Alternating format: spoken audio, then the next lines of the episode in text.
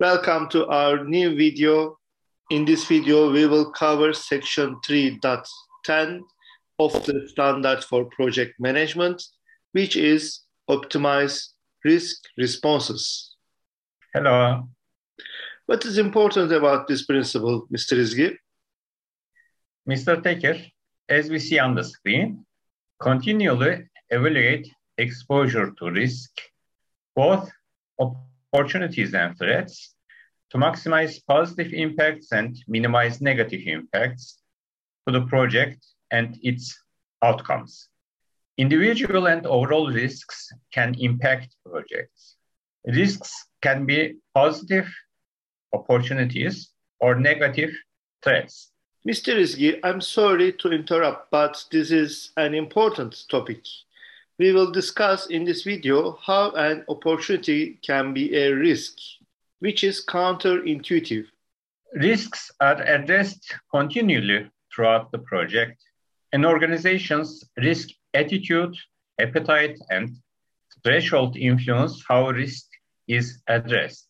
Risk responses should be appropriate for the significance of the risk, cost effective, realistic within the project context, agreed to by relevant stakeholders, and owned by a responsible person. Mr. Izgi, how is risk defined? A risk is an uncertain event or condition that, if it occurs, can have a positive or negative effect on one or more objectives. Identified risks may or may not materialize in a project. Project teams endeavor to identify and evaluate known and emergent risks, both internal and external to the project, throughout the life cycle. Threats may result in issues such as delay, cost overrun, technical failure, performance shortfall, or loss of reputation. Opportunities can lead to benefits such as reduced time and cost, improved performance, increased market share, or enhanced reputation. You said that if the risk occurs, it can have a positive effect. However, when we use the word risk in our daily lives, we mean some kind of a threat only. The option of opportunity is excluded. This conflicts with the definition. Yes, it is counterintuitive. Actually, many different definitions have been proposed. The International Organization for Standardization, ISO, Guide 73 provides basic vocabulary to develop common understanding on risk management concepts and terms across different applications.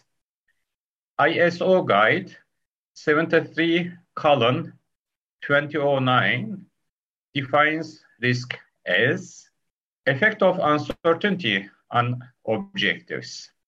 Here, an effect is a deviation from the expected, positive or negative. So the definition I have quoted is compatible with ISO. Why is this definition widely accepted? When we look at the ways threats and opportunities are managed, we see that they are equivalent.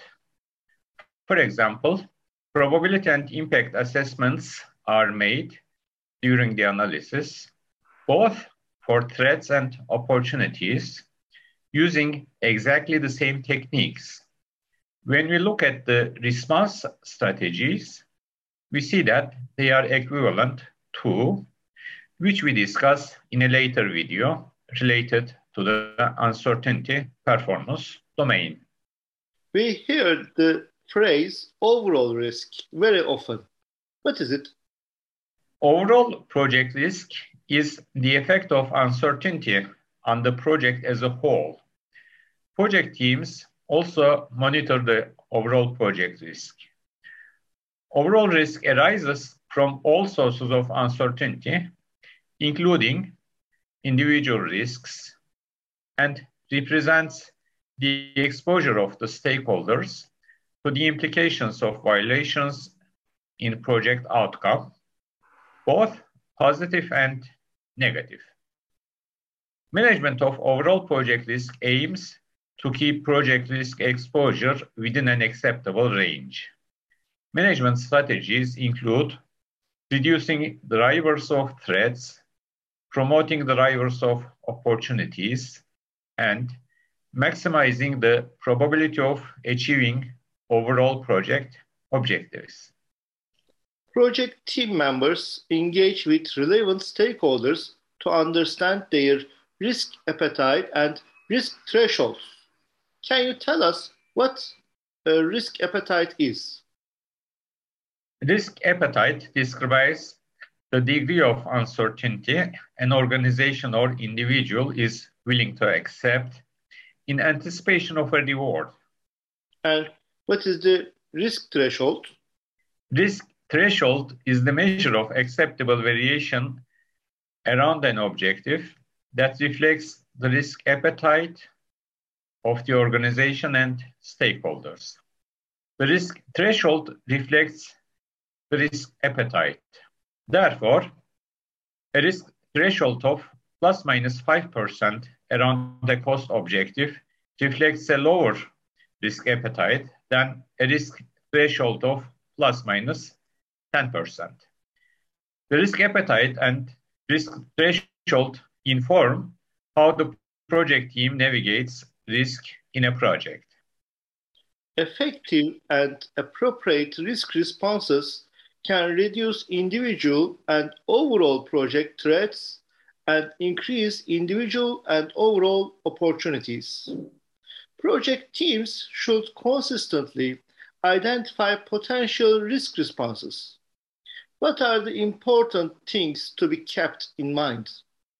They are appropriate and timely to the significance of the risk, cost effective, realistic within the project context, agreed to by relevant stakeholders, and owned by a responsible person. Thank you, Mr. Izgi. Uh, is there something else you want to add before we finish up this video? Yes, Mr. Tekir. Risks can exist within the enterprise, portfolio, program, project, and product.